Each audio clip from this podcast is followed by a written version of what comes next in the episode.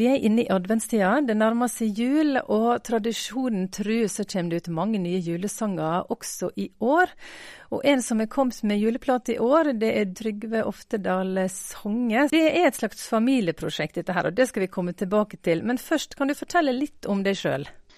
Ja, eh, jeg bor på Fevik i Grimstad kommune. og jeg har interesse av musikk. Det har jeg hatt siden jeg var vel 13 år og starta i eh, ungdomskoret i Bjerkreim, eller på Vikeså der jeg vokste opp.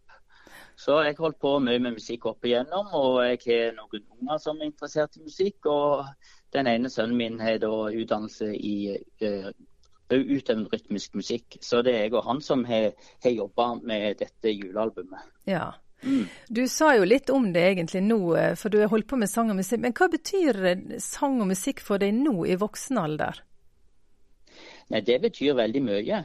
Det, jeg, det, har gitt meg veldig mye glede av å spille mye i eh, kirkelige sammenhenger. Så det har jeg gjort i mange, mange år på mange forskjellige tilstelninger. og det gir meg veldig mye, å, meg mye å lytte til musikk. Men òg det at jeg kan bruke på en måte det talentet jeg har fått til å glede andre med musikk. Så mm. det, det, har gitt meg veldig mye. Mm.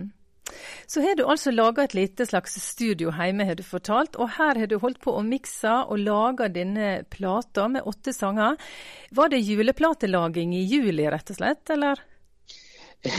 Ja, det har, vært julesanger som har blitt jobba med eh, året rundt. Ja. Eh, det har det. Så med jul, juletekstene har vi jobba med året rundt. Det, stemmer det. Både vinter og, og sommer. Ja. Det har vi. Så, eh, så, det er jo litt rart det på en måte om sommeren å synge julesanger, men eh, men sånn er det. Du, ja. på en måte Når du holder på med det sånn, så får du litt sånn distansert forhold til akkurat et julesang. Du, du har fokus på mange andre ting, og får teksten riktig og får alt riktig sånn som du vil ha det. da.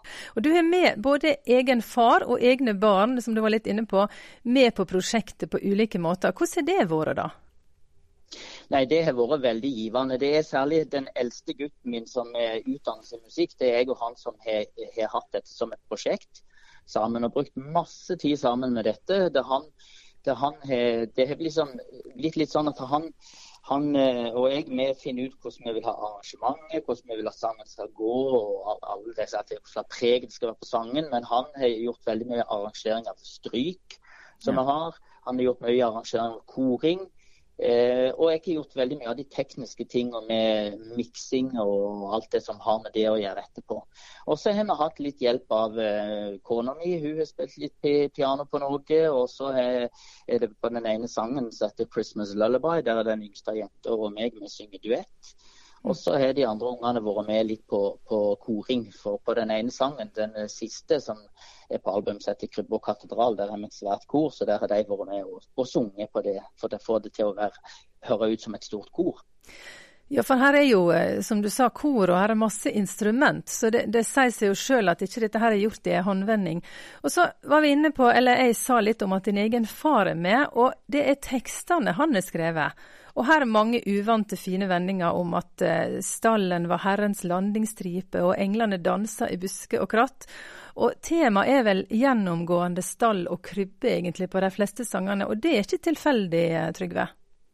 Nei, det er ikke tilfeldig. For, eh, for far, Kristoffer Songe, han har vært glad i jul alltid. Eh, og etter hvert så begynte han å lage Han er litt sånn flink med, med figurer og ja, kunst, egentlig. Så, så, begynte han å lage julekrybbe. Og, og han eh, lette etter rekved og brukte det og sette det sammen. For det symbolske med det som på en måte er ubrukelig, eh, skal mm. få på en måte en ny, eh, det skal få en ny fasong. Det skal bli satt inn i en sammenheng.